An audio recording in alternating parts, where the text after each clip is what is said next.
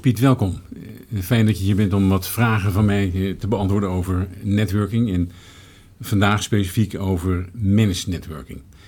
Overigens moet je me niet uh, kwalijk nemen dat ik een, blaadje bij me heb, want ik heb toch wel wat vragen die ik niet wil vergeten in het gesprek. Dus dat hou ik er even bij. Maar wat is managed networking?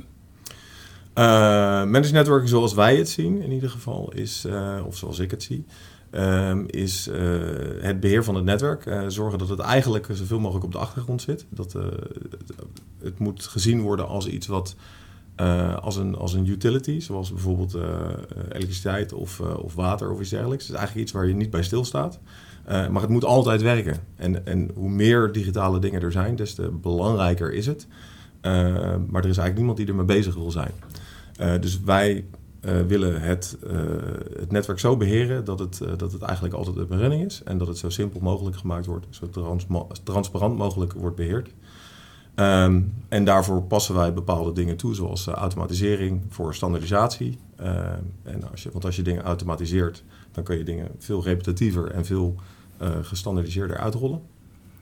en daar hoort ook een deel ontwikkeling en en dat soort dingen bij om dat uh, zover te krijgen. Dus we doen heel veel aan ontwikkeling ook om, uh, om zover te komen. maar als ik jou zo hoor, bedoel, is het vooral ook dat je dat je, je belegt het als bedrijf buiten je bedrijf. Uh, want heel vaak doen bedrijven dat zelf, networking. maar managed networking is echt dat je het uitbesteedt aan een ander. Die eigenlijk die, die functie van gas, water, licht voor zijn rekening neemt? Uh, heel veel bedrijven uh, besteden het in veel gevallen, als ze het zelf doen, dan, uh, dan besteden ze zich ook, dan besteden ze het ook uit aan zichzelf eigenlijk. Dan hebben ze okay. vaak mensen daarvoor en, en die, ja, die, die nemen dat op. dat is zelfs een, een pandbeheerder of iets dergelijks, die, die regelt het pand. Dat is ook eenzelfde soort dienstverlening. Um, en wij zijn inderdaad een externe partij en doen dat voor, voor het bedrijf. Maar uiteindelijk is dat bedrijf erbij gebaat uh, dat het ja, voor hun uh, doeleinden beheerd ja. wordt. Ja, dat is ook vooral bedoeld om de zorgen weg te nemen ja. van die basis, infralaag, uh, in dit geval networking, zodat je daar als, als IT-bouwer en, en als softwareontwikkelaar of als gebruiker geen last meer van hebt. Ja. Oké. Okay. Ehm, denk je dat alle bedrijven weten hoe, wat dit betekent voor ze en wat het voor voordeel kan leveren? Of is dit nog relatief onbekend? Uh, in principe uh, heeft elk bedrijf heeft ermee te maken. Uh, en de meeste bedrijven hebben daar wel een bepaalde invulling aan gegeven. de manier hoe wij het doen is toch wel net wat anders. Omdat wij van mening zijn dat, dat wij niet essentieel mogen zijn. Dus we gaan er altijd in met het, met het idee van hoe, hoe als wij weggaan, hoe kunnen we het dan zo achterlaten dat, dat ze gewoon verder kunnen. ik bedoel, uiteindelijk is het bedrijf erbij gebaat dat zij gewoon een dienstverlening hebben die gewoon continu doorgaat. Ik bedoel, als jij van, van uh, wat is het, uh, uh, leverancier van stroom, zeg maar, als je daar ja. weggaat, dan kan je ook gewoon doorgaan. Dan blijft je stroom ook gewoon doorlopen. Dus je ja. wil ook gewoon hebben dat het met je netwerk is. dus we proberen onze tools zo uit te zoeken dat ze niet zomaar ineens uit kunnen vallen. Of dat er door licenties of dat soort dingen problemen ontstaan. vandaar dat we ook inderdaad heel erg veel doen met open source tooling. Dat geeft een bepaalde garantie dat het altijd mogelijk is om door te ontwikkelen. In het aller, aller, allerergste geval kan je zelf developers aannemen die het voor jou ontwikkelen of voor jou bugs fixen. Maar je kan eventueel het ook zelf oppakken. En wij doen zelf daar ook heel veel in. Okay, hoe, hoe, zou je als bedrijf deze stap moeten nemen? De, wat is de, de, laten we zeggen, de situatie waarin je zegt, nou, als bedrijf moet je daar toch echt aan gaan denken aan zo'n managed network? En... Een bedrijf moet in eerste instantie heel erg goed realiseren hoe afhankelijk ze ervan zijn. En sommige bedrijven die zijn er wat bewuster van dan andere. Uh, vaak is het zo dat er eerst wat moet gebeuren voordat die realisatie echt komt. Dus dat het een tijd eruit ja. ligt en dat ze ineens denken van... maar wacht even, nu heb ik er wel heel erg veel last van. Wat is er nu gebeurd? um, en dat kan van allerlei redenen hebben. Um, uh, en daarnaast is het zo dat je moet natuurlijk weten wat je er precies uit wil hebben. Uh, de neiging van bedrijven is nog steeds dat ze denken dat hun netwerk uniek is. Wat absoluut niet het geval is. Een netwerk is eigenlijk heel generiek iets. Ja, stroom uit de muur of water ja. uit de kraan. Uh, en het is verstandig om het ook op die manier te behandelen. Uh, dus het moet echt gestandardiseerd worden aangepakt om te zorgen dat je een zo goed mogelijke dienstverlening hebt die zo robuust mogelijk is, waar je echt van op aan kan.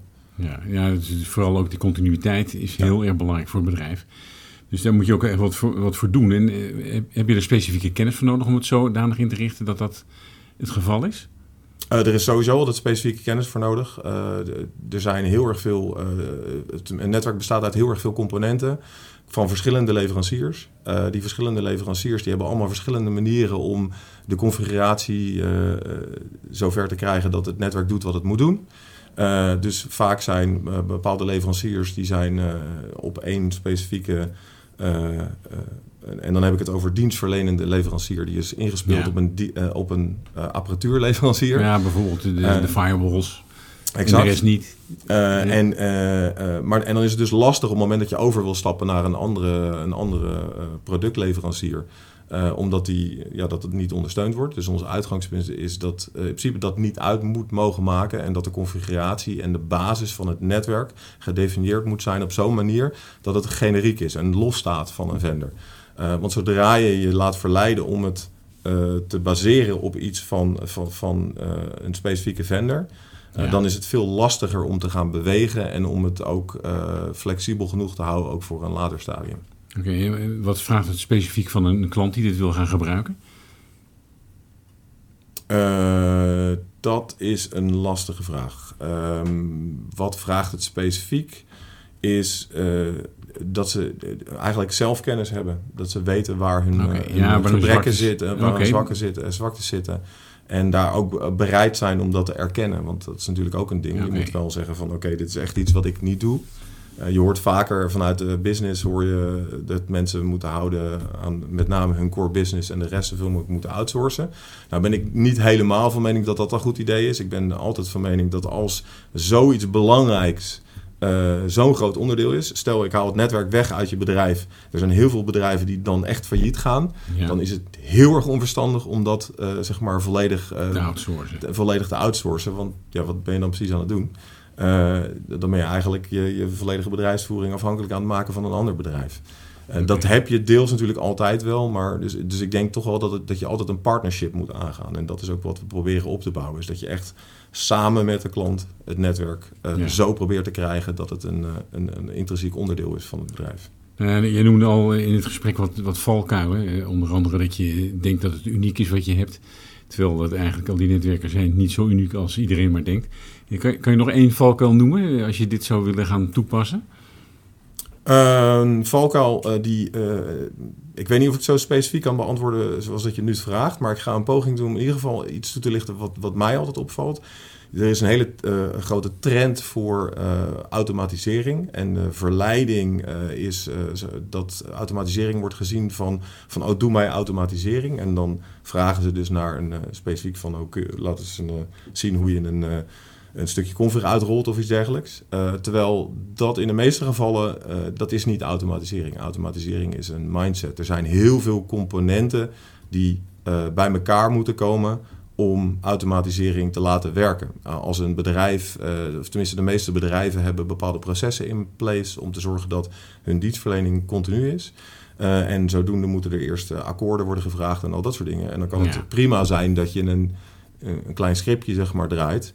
Uh, maar dat is maar echt maar een heel klein stukje van het hele, het hele proces. Uh, dus het is belangrijk om te beseffen dat, dat, dat, dat het proces als geheel bekeken moet worden als je kijkt naar automatisering. Ja, okay. Nou, het is, een mooie waarschuwing voor gebruikers. Dat, het is complexer dan je misschien denkt. Het is niet iets wat je zomaar uit een doos trekt en, en invoert. Je, er zijn vele aspecten bij betrokken. En daar moet je je goed rekenschap van geven. Ja, zeker. Nou, Piet, dankjewel voor deze antwoorden. Ik, ik kom graag nog een keer bij je terug in de toekomst om wat meer uh, in de diepte nog uh, aan je te vragen over dit onderwerp. Uh, nu in elk geval heel erg bedankt. Ja, geen dank.